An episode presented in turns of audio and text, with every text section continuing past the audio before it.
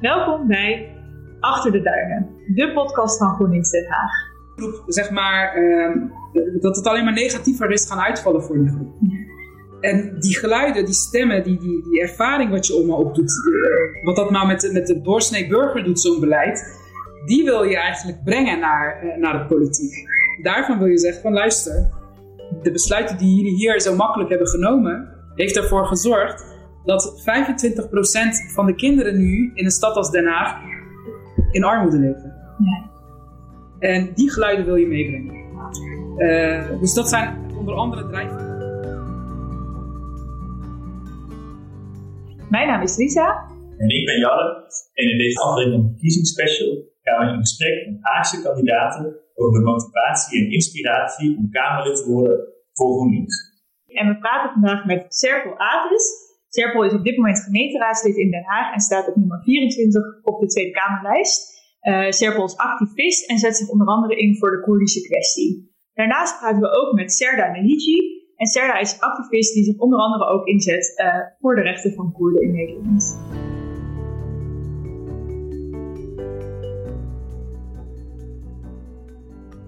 Welkom, Serpil. Ontzettend leuk dat je hier bij ons eh, te gast wil zijn. Eh, mijn eerste vraag gaat eigenlijk over eh, jouw rol als eh, gemeenteraadslid hier in Den Haag.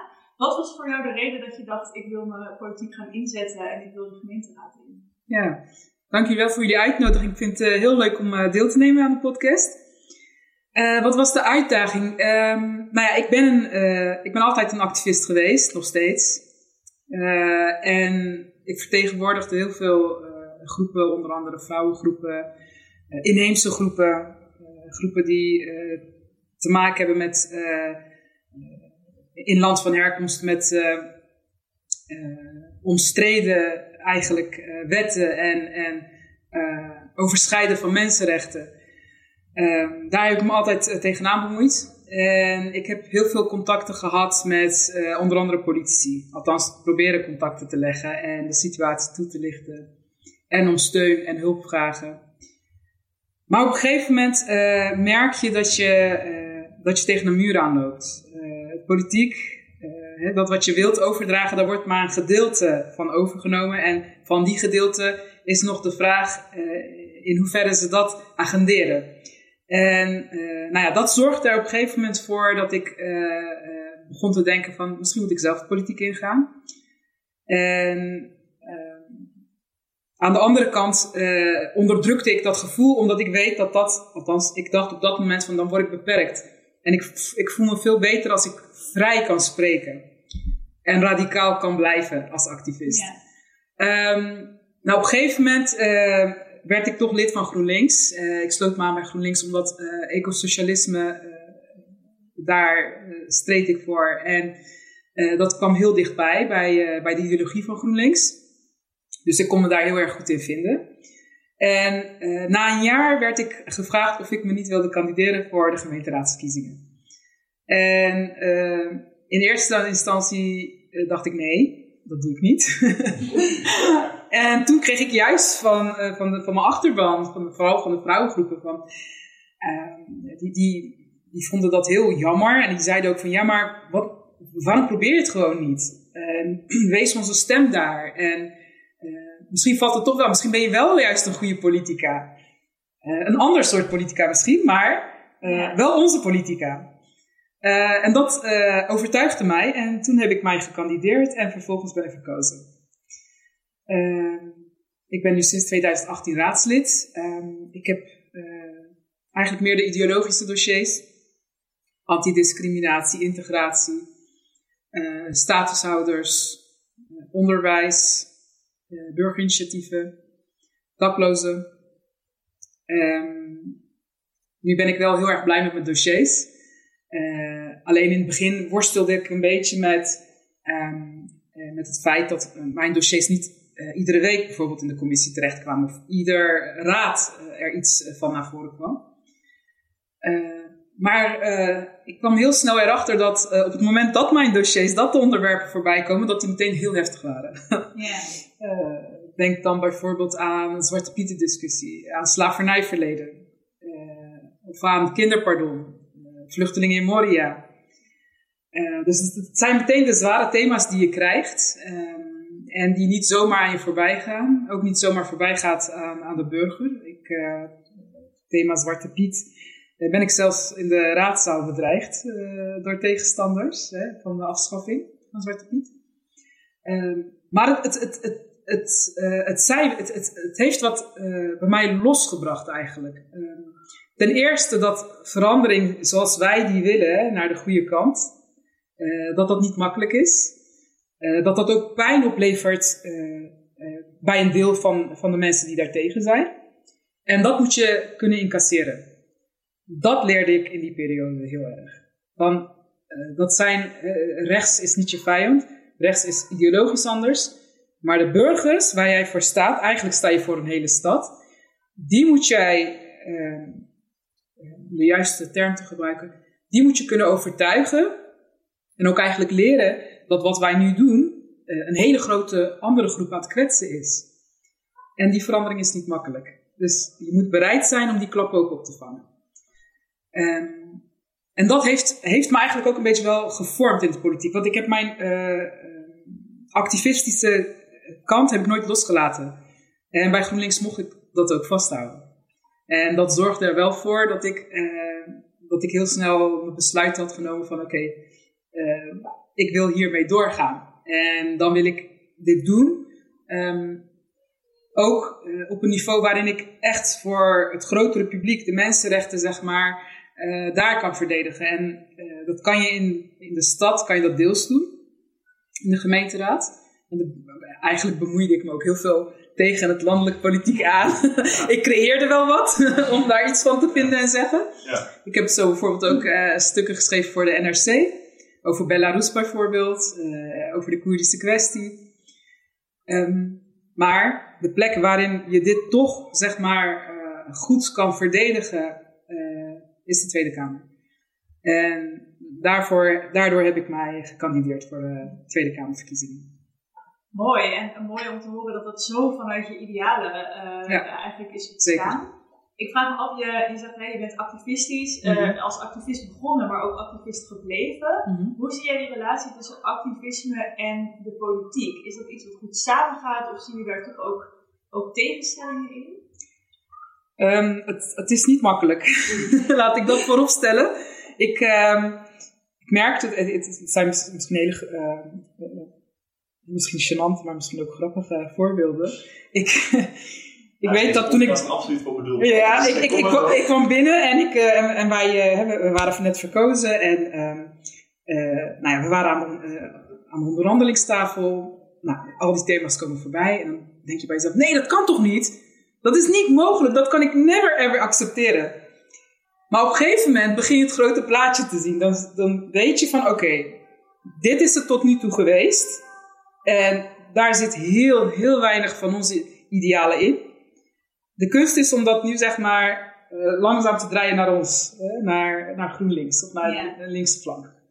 En uh, daarin leer je zeg maar dat jouw activisme, die, die zet je, uh, die, die zet je zeg maar om in een lange termijn doel. Want in, binnen de activisme, en dat kan Cher misschien zo ook goed uitleggen, ben je heel erg doelgericht en doelbewust aan, de, aan het werk, maar dan op, op korte termijn. Hè? Gelijk geluid geven aan, aan gebeurtenissen en proberen zoveel mogelijk animo te creëren. maar dat is in het politiek, moet je daar een veel langere adem voor hebben. Dat leer je. Um, en dan hoef je dus eigenlijk helemaal niet jouw activistische kant los te laten. Helemaal niet. Maar dan ga je een wat langere proces in. Ja. Dat leer je.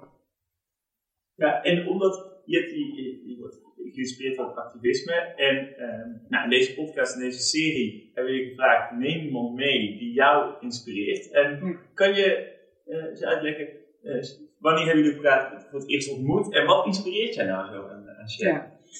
Um, ik heb Serda uh, uitgenodigd omdat, ik, uh, omdat ze me altijd heeft geïnspireerd. En waarom? Omdat Serda, uh, ik heb haar in de meest heftige demonstraties meegemaakt waarin ze heel koelbloedig stond haar verhaal te doen. En ze is op heel veel vlakken de woordvoerder van Turks-Koerdische vrouwen in Nederland.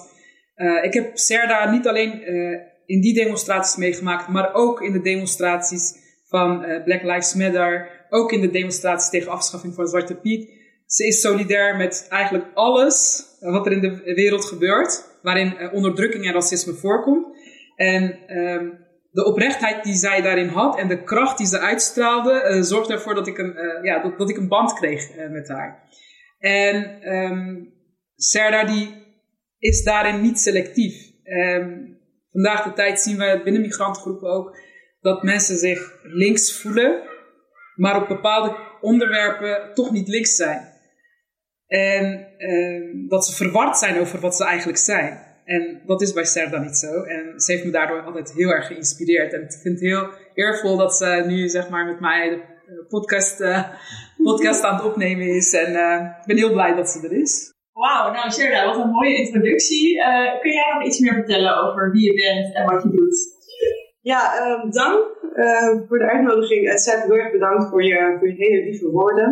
Je moet echt van, ik word helemaal verdegen van.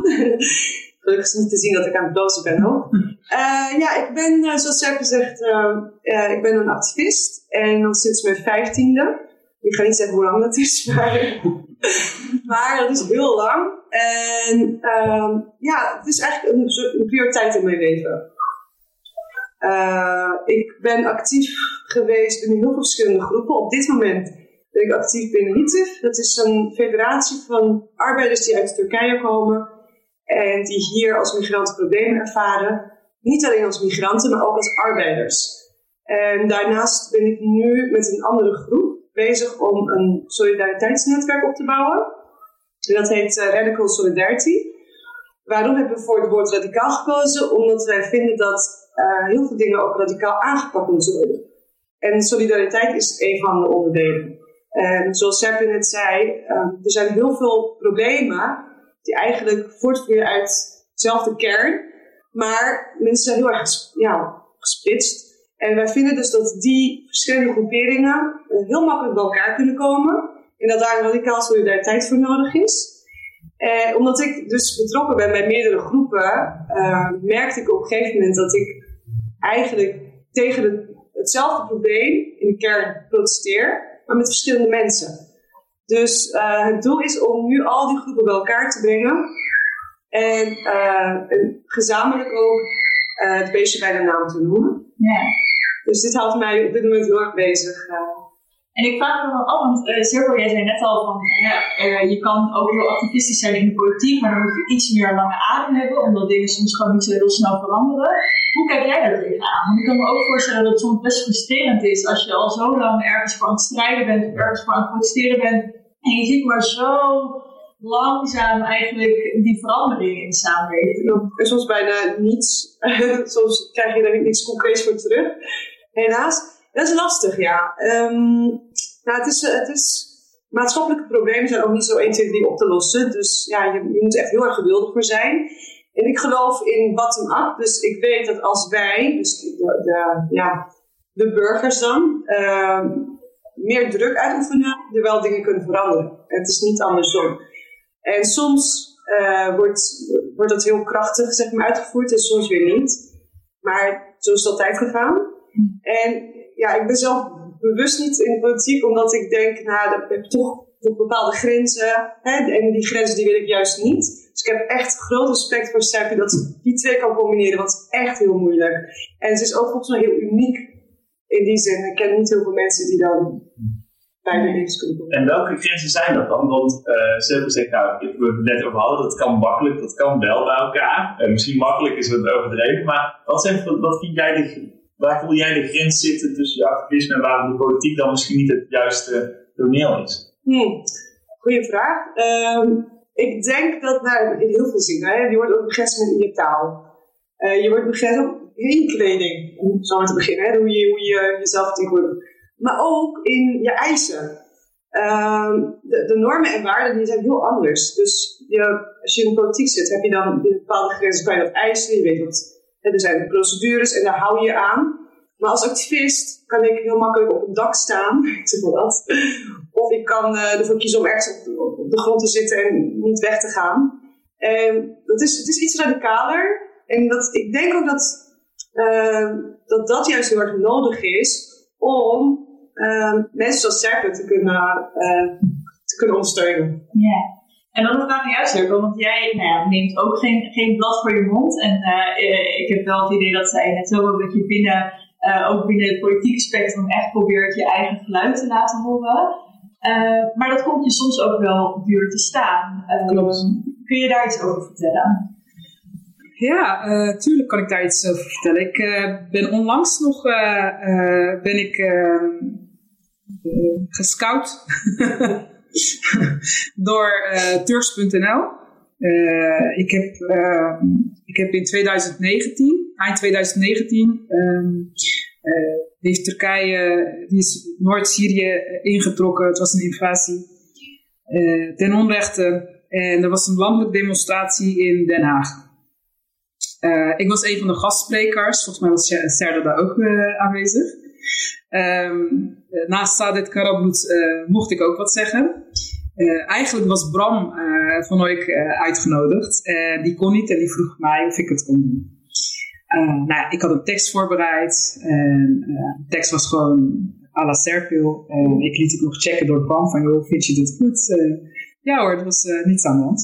Nou, ik heb mijn, ik, heb mijn, eh, mijn tekst voorgedragen en ik sloot het af met Biji Bergwedana Rojava. Dat betekent eh, in het Koerdisch eh, lang leven het verzet van Rojava. Deze leus is de wereld in gegooid toen de strijd in Noord-Syrië tegen IS aan de gang was. En vooral door vrouwen, want de vrouwen stonden aan de frontlinie. En waarom was dat zo? Omdat ehm, de IS 7000 Yazidi-Koerdische vrouwen had ontvoerd en als seksslaven had verkocht in het Midden-Oosten. Eh, en ze vroegen nadrukkelijk, stuurden ze berichten naar eh, de Koerdische milities van trek jullie vrouwen weg aan de frontlinie, want als wij door een vrouw worden neergeschoten, gaan we niet naar de hemel. Nou, en wat deden die vrouwen? Die gingen natuurlijk aan de frontlinie staan. Dus het is een verzet, ehm, niet alleen eh, tegen, tegen conservatief-orthodoxe eh, gedachtegang, maar vooral een verzet tegen het patriarchale systeem wat, daaraan, eh, wat daar heerst. Dat was mijn leus. En ehm, dat is twee jaar geleden en het stond breed op mijn Facebook, eh, Instagram en Twitter. Nadat ik me heb gekandideerd, hebben, ze, hebben ze natuurlijk een beetje gezocht wie is dit nou? En toen hebben ze dat gezien en hebben ze daar een stuk van eh, geschreven met allemaal onwaarheden erin. Eh, en ze hebben me doelwit gemaakt. Naar aanleiding van dat stuk ehm, heb ik duizenden bedreigingen, scheldpartijen eh, ontvangen. En twee dagen later hadden ze alweer een stuk van iemand, een andere krant, die had het opgenomen voor mij. En ze gezegd van, zie je nou wel? En nou ja, weer een hele lading over me heen. En ehm, er valt heel veel te zeggen hierover eigenlijk. En eh, wat mij betreft, eh, twee belangrijkste. Ten eerste, ehm, we hebben in Nederland blijkbaar niet voldoende geluid gegeven hieraan. Niet voldoende geagendeerd. Want als mensen met hun open account zeggen wie ze zijn, zeggen waar ze werken en zeggen dat ze nieuwe wapens binnen hebben en die willen ze testen op mij, dan betekent het dat ze de, eh, de rechtsstaat ondermijnen. Dat betekent dat ze de heft in eigen handen nemen. Maar dat betekent ook dat ze tot nu toe blijkbaar hebben gezien dat ze dit mochten uiten en niemand heeft daar wat van gedaan of van gevonden. Ja, ze kunnen het blijkbaar ongestraft doen zonder... Precies. Eh, dus daarin denk ik dat er een, een hele eh, dat, dat, dat er stappen genomen moeten worden. En ten tweede is het wel dezelfde groep. Uh, dan zie je onder, uh, om de 40, 50 haatberichten zie weer. Stem vooral denk, stem vooral Tunaan Kuzu. Wat zegt dat? Of, of, die, of, hè, zijn, hij en zijn achterban, die schreeuwen het hardst dat, dat, dat ze gediscrimineerd worden. Daar kunnen we over hebben. Er is sprake van institutioneel racisme in Nederland. Dat is uh, onder, an onder, andere bekend geworden nu met de toeslagenaffaire. Ja. Maar uh, als je echt links bent en je bent tegen racisme en discriminatie, waarom uh, word je er dan zelf een als het over Armenen gaat, als het over Koerden gaat, als het over Alewieten gaat, als het zelfs over vrouwen gaat. Uh, waarom hebben jullie dan ineens een andere kleur? Dus ik wil, ik, ik wil een hele grote groep mensen niet hypocriet noemen, maar ze worden wel het slachtoffer van een hele hypocriete politici. En uh, dat is het andere, zeg maar, wat eigenlijk genoemd moet worden. Want als ik als activist, als politica die zich nog steeds activist noemt, uh, zo, of in Den Haag tot nu toe ook uh, voor hen rechten heb gestreden, ja. Dan betekent het dat wij gezamenlijke problemen samen hebben. Waar ik ook als woordvoerder optreed. Ja. En daarin word ik wel gesteund. Maar op het moment dat ik zeg dat ik Koerdisch ben en de invasie in Rojava, dat dat fout is, uh, dan word ik zelf word ik in die hoek gezet van, hoe noem je dat? Ehm, word ik in een hoek gezet als crimineel, als, ik word gecriminaliseerd, hè, ze is een terrorist.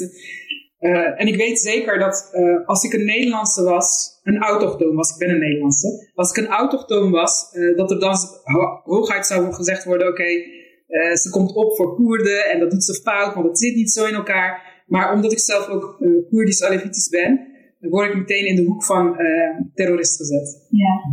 En misschien over, over, over die achtergrond ook. de Koerdisch Alevitische groep. Hoe groot is die groep bijvoorbeeld hier in Nederland? Nederlanders met deze achtergrond. Ja.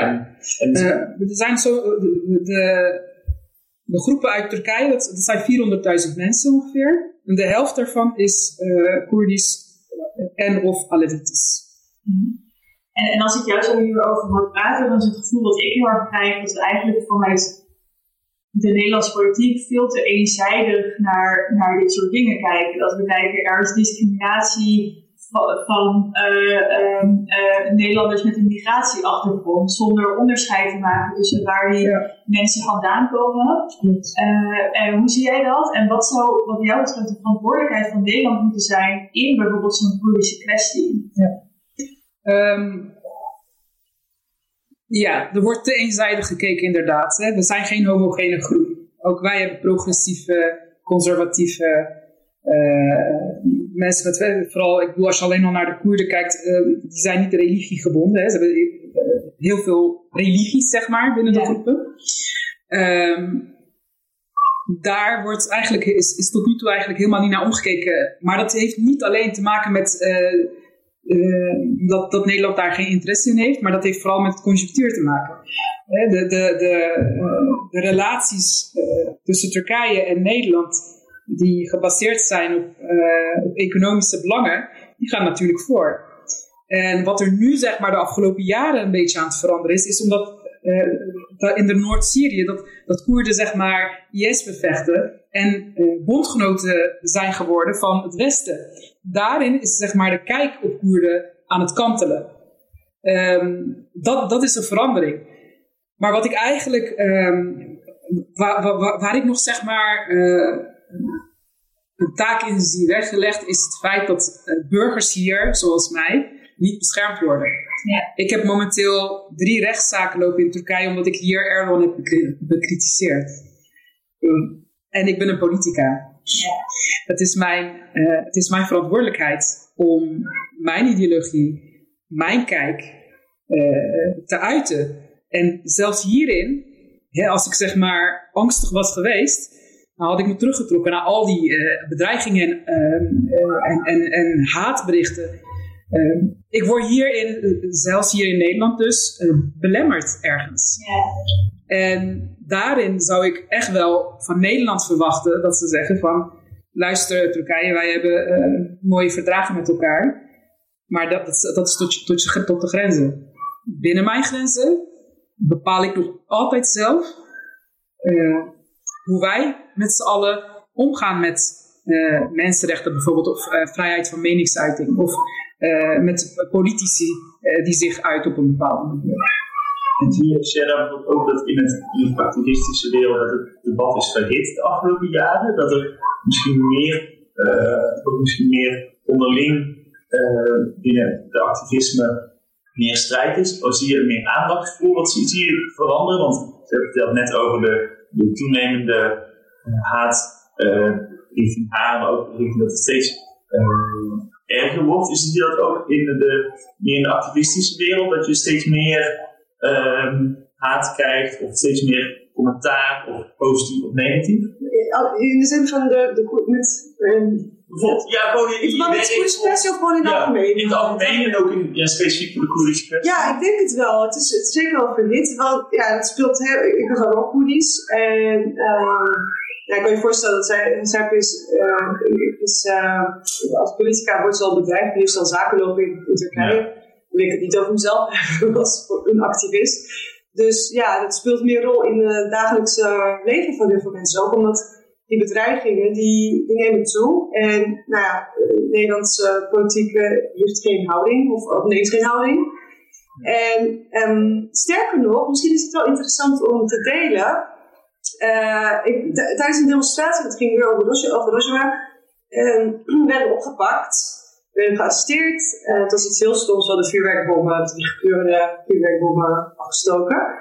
Maar dat mocht blijkbaar niet. En toen we werden, toen we werden opgepakt, gearresteerd, waren we een paar uurtjes. En na afloop kregen we het politierapport te zien. En er stond, dat vond ik heel, heel apart. Uh, waren z'n drieën. En twee vriendinnen van mij, die waren blond en blauwe ogen. En ik was de enige met uh, donker haar. En er stond dus, uh, of althans, oh ja, ik werd omschreven als een vrouw met donker lang haar, vermoedelijk een Turk, stond in. Dat vond ik heel bizar, want het was een Koerdische demonstratie. Ze waren überhaupt Turk, dat was apart. Maar los daarvan, waarom, waarom vermeld je dat ook überhaupt? Dus maar zo zie je maar weer, dat, dat, dat bewijst dus dat het wel zin heeft om de straat op te gaan en te, te, te vertellen wat de zaak is. Omdat als de politie mij een Turk noemt, weet je, op, op zo'n demonstratie, nou dan, verbaast het me niet wat al die andere uh, groeperingen zullen zeggen. Omdat ze toch al alleen mainstream media volgen. Dus uh, hierdoor merken we wel, ja, het is, het het houdt je wel bezig. Je, je hebt natuurlijk, je moet jezelf, je, je zorgt voor je eigen veiligheid. Uh, je, zorgt, je moet zelf een solidariteitsnetwerk creëren. En je weet nooit uit welke hoek wat komt. Dus ja, vandaag wordt ik bedreigd door fascistische Turken. En morgen kan het, uh, weet ik veel, een, een rechtse Hollander zijn die vindt dat ik uh, Zwarte Piet leuk moet vinden of zo. Dus het komt uit verschillende hoeken. En het neemt toe. En ik weet ook dat uit onderzoek bleek dat racisme of, of, discriminatie blijkt niet te stijgen of toe te nemen, maar het blijkt zo te zijn dat, dat, de, dat het agressiever wordt. Ja. ja, want ik ben daar wel benieuwd naar. Jullie vertellen eigenlijk nou, beide, uh, voor, voor mij als buitenstaander, best luchtig over nou ja, bedreiging, uh, opgepakt worden. Maar ik kan me voorstellen dat het ook best impact heeft op je persoonlijke leven of op, op je gevoel van veiligheid als je gewoon je, je dagelijkse bezigheden doet. Hoe ervaren jullie dat? Is, ervaren jullie het echt zo luchtig als het nu klinkt? Of, of merk je er toch wel wat van? Ja, nee, het is echt zoals het overkomt. Ja, in het begin, als je dan voor het eerst zoiets ervaart, dan kan het wel eens zijn. Maar ja, als je echt verandering wil brengen, dan heb ik het niet over kleine veranderingen, maar echt maatschappelijke veranderingen. Dan, ja, dan kost het wat. En dat weet je. Als je daar bewust van bent en dat je dan ondanks uh, die, die risico's en stappen neemt, ja, op een gegeven moment uh, doet het niet veel meer. Nee. En ik, oh, ik wil trouwens wel misschien een leuke uh, aanvulling, maar ik was, ik was zeker aanwezig op de demonstratie, waar, ja, waarvan de Turks cultureel video ja. gedeeld. Ik was zeker, ik, ik wil zo voor Jij hield maar ja. vast, ja, het regende heel hard. Ja, voor diegenen die, die ik, ik heb ook, ja, wij hebben ook als organisatie... Serda stond, stond ook in beeld. ja, daarom, maar ja, dus, dus daar ben ik ook bewust, want kijk, als je dan, misschien is het een goed voorbeeld, als je bang zou zijn, zou je juist denken van, hey, mijn hand stond er volgens mij alleen in. maar goed, dan zou je bewust niet zeggen van, oh, ik, ik weet niet of het was hoor. Weet je, maar, maar, je moet juist zeggen dat je er was. En je moet juist achter je, achter je point staan. Wil je iets gaan bereiken en wil je ervoor zorgen dat, dat die conservatieve gedachtegang ja. uh, op een gegeven moment gaat verdwijnen. En Serpel, je hebt natuurlijk nu kandidaat gesteld voor de Tweede Kamer. de verkiezingen zijn over uh, binnenkort. Wat zijn nou jouw echte drijfveren en waarom uh, is dit het moment dat jij de Kamer in moet? Wat is, nou, wat, wat is er in Nederland? Wat speelt er in Nederland? Wat speelt er bij jou persoonlijk? Wat speelt er misschien hier in Den Haag? Waarom jij denkt, dit is de moment? Ja. Um, ten eerste, uh, de groepen die, uh, die ik vertegenwoordig hebben momenteel geen vertegenwoordiger in de Tweede Kamer. Dat is een hele grote drijfveer. Uh, ten tweede, um, wil je, wil je uh, deelnemen aan de verandering die moet komen eigenlijk, die moet komen. Uh, en wat is dat? Je ziet, we hebben het 20 jaar neoliberaal beleid heeft. Ik, ik, heb die, ik heb de gevolgen daarvan met blote ogen waargenomen in de achterstandswijken waarin ik al 23 jaar zit, heb gewerkt. Um, en om, om die geluid zeg maar, naar buiten te brengen en daar echt uh, wat mee te doen, moet je daar, uh, moet je daar zelf aan willen deelnemen.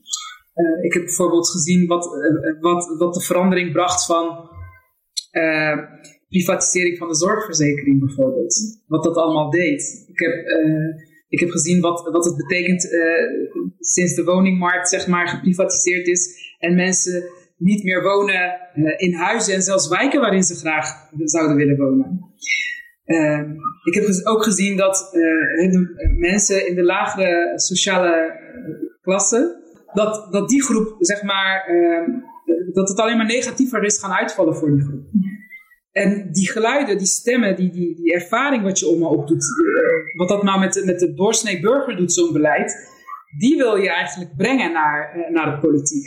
Daarvan wil je zeggen van luister, de besluiten die jullie hier zo makkelijk hebben genomen, heeft ervoor gezorgd dat 25% van de kinderen nu in een stad als Den Haag in armoede leven. Ja. En die geluiden wil je meebrengen. Uh, dus dat zijn onder andere drijfveren, dus zoals we net hebben besproken, dus mensenrechten, maar ook uh, dit soort problemen zou ik heel graag uh, wat mee willen doen. Nou, heb je in de gemeenteraad ook echt behoorlijk wat voor elkaar gekregen. Um, ja, dat mogen we ook gewoon even zeggen. dat is echt indrukwekkend. Absoluut geen partij. nee, hè? nou ja, ik vind dat je successen ook zeker mag noemen. Wat is nou datgene waarvan je zegt, daar ben ik, zo, daar ben ik het meest trots op of het meest blij mee? Uh, dat, is, uh, dat zijn er twee. Uh, misschien drie. Uh, ten eerste slavernijverleden. Ja. Uh, dankzij mijn motie is er een onderzoek gekomen en uh, we hebben dus onlangs gehoord dat in 2023 eindelijk het monument gaat komen. En de lessen voortaan op scholen, ehm, wat, nou ja, wat, dat die eerlijk over onze geschiedenis vertelt. Um, dat vind ik, daar ben ik echt heel erg trots op. Um, en dat was ook iets wat niet makkelijk is gegaan. Uh, de tweede uh, is, is denk ik toch uh, de vluchtelingenkinderen. Moria, ik had, ik had een motie ingediend of uh, Den Haag er ook, ook steun wilde geven en kinderen zou willen ontvangen. En die motie had het gehaald. Um, en als derde zou ik toch ook wel willen noemen dat de onderadvisering, zeg maar, die ik naar voren bracht. Want wat ik merkte was, er waren heel veel partijen die het hadden over onderadvisering. Dat moet aangepakt worden, dat moet aangepakt worden. Oké, okay, prima, maar hoe? Want waar gaat het mis? En um, ik, ik, ik wist gewoon, nou ja, ik wist gewoon, de, de, ervaring had mij geleerd dat ouders heel vaak verrast werden op het moment dat kinderen uh, aan het eind van de rit uh, een hele laag advies kregen. En daar heb ik naar gevraagd van, nou, hoe komt dat nou, waarom, waarom waren jullie verrast? Nou, dan zeiden ze van, we kregen ieder jaar te horen van je kind is gemiddeld, die scoort gemiddeld. Nou, gemiddeld is een MAVO. En dat krijgt mijn kind nu niet. Nou, maar als je dan verder kijkt, zie je eigenlijk dat het gemiddelde van een um, school in een achterstandswijk niet het gemiddelde van landelijk is. En dat wordt niet op die manier gecommuniceerd. Waardoor ouders dus niet de kans krijgen om op die, uh, op die deficiënties te gaan zitten van het kind. Uh, en daarover had ik een motie ingediend. Uh, van dat, dat voortaan leerkrachten en ouders meer tot elkaar moeten komen. En leerkrachten ook moeten uitleggen wat een gemiddelde nou voor een achterstandswijk, voor een kind uit de achterstandswijk betekent. En uh, daar ben ik ook wel heel erg trots op. Want dat was echt iets concreets, zeg maar, wat, ehm, wat aangepakt kon worden daarin.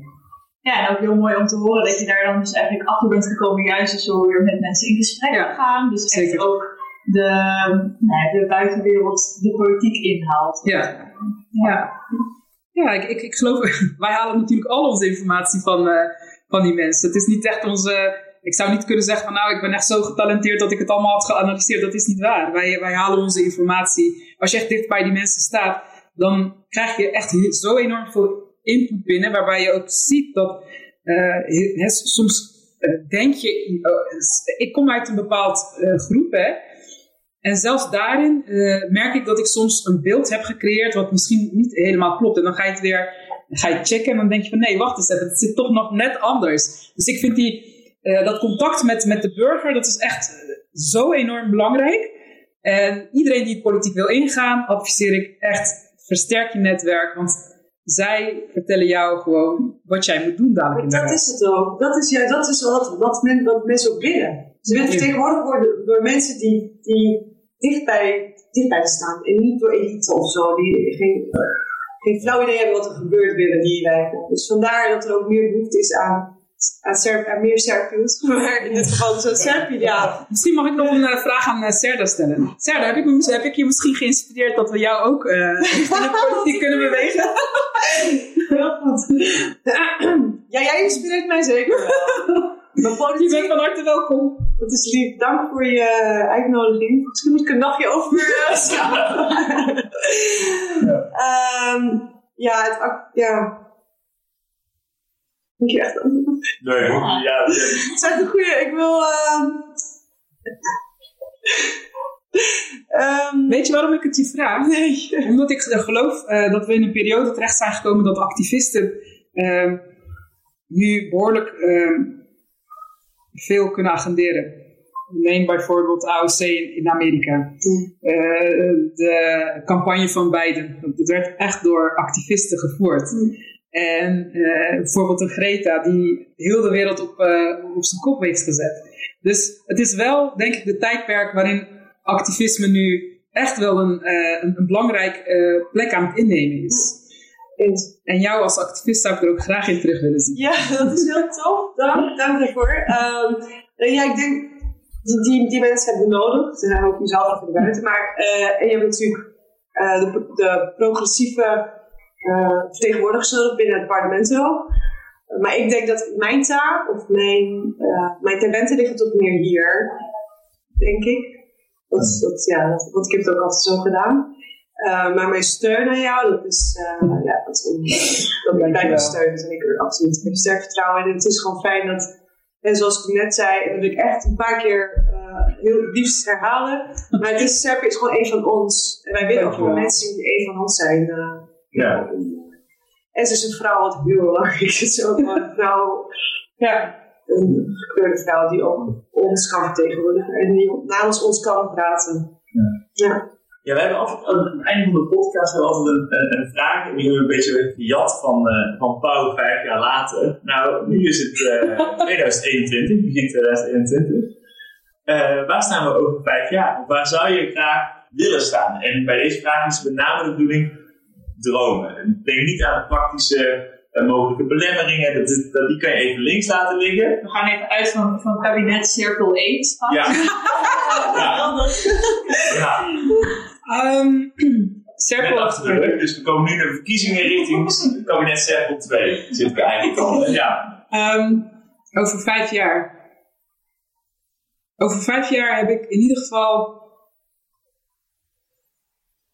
40, 50 vrouwen gemotiveerd die actief in de politiek zitten. Uh, dan heb ik het stokje, dan draag ik het stokje over. Zo zie ik het. Ik zie dat als echt een, het is voor mij, politiek is een middel. Het is niet uh, het einddoel, het is niet zeg maar uh, het ultieme wat ik in mijn leven zou willen. Het is een middel en ik denk dat mensen zoals mij de pad vrij moeten maken voor meer vrouwen die, die durven die durven hun nek uit te steken. Um, die vrouwen moeten we binnenhalen. Uh, eh, 30% van ons parlement bestaat uit vrouwen. Het is een schande. En dat moet meer. En ik, ik zie daarin wel een taak voor mezelf weggelegd. Ik zie niet. Um, ik durf niet te zeggen of ik zelf dan nog over vijf jaar in de politiek zit. Zit ik er op een andere post? I don't know. Maar wat ik zelf heel belangrijk vind, is dat ik veel vrouwen heb gemotiveerd en die ook uh, in de politiek uh, deelnemen. Dat is een van mijn grootste doelen. Wat mooi. En hoe zie jij dit op tijd? Oeh, ik niet heel anders dan nu, denk ik. Het is wel pessimistisch, sorry. Nee, nou, om samen te vatten, ik, omdat ik denk dat ja, dromen, maar oh, ik wil wel heel realistisch blijven toch nog. eh, omdat ik denk dat alles wat we nu ervaren een systeemprobleem is. En ik geloof niet dat het systeem over vijf jaar zal veranderen. Dat we exact hetzelfde probleem zullen hebben. Maar, maar ik denk, ik geloof er wel sterk in dat, eh, dat vooral de nieuwere generatie meer van zichzelf zal laten horen. En dat ik dan, als het oudere Serda, ik laat het dan aan haar over hoe ze het doet, maar dat ik dan mijn ervaring en kennis kan delen met, eh, met de jongeren. Ja, dat zie ik mezelf wel doen. Maar over 5 of 30 jaar dat activisme blijft.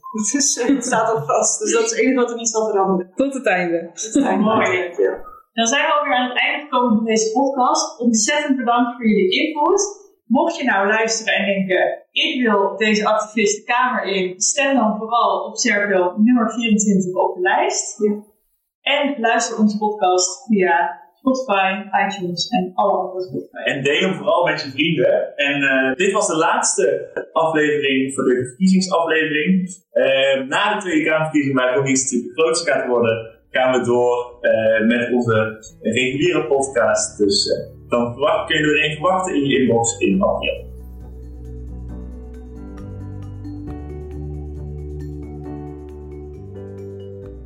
Vergeet je niet te abonneren op deze podcast in je favoriete app. Stuur hem vooral door naar al je vrienden. Volg ons op Facebook, Twitter, Instagram of via de maandelijkse nieuwsbrief van GroenLinks Den Haag. En tot de volgende keer. Doei!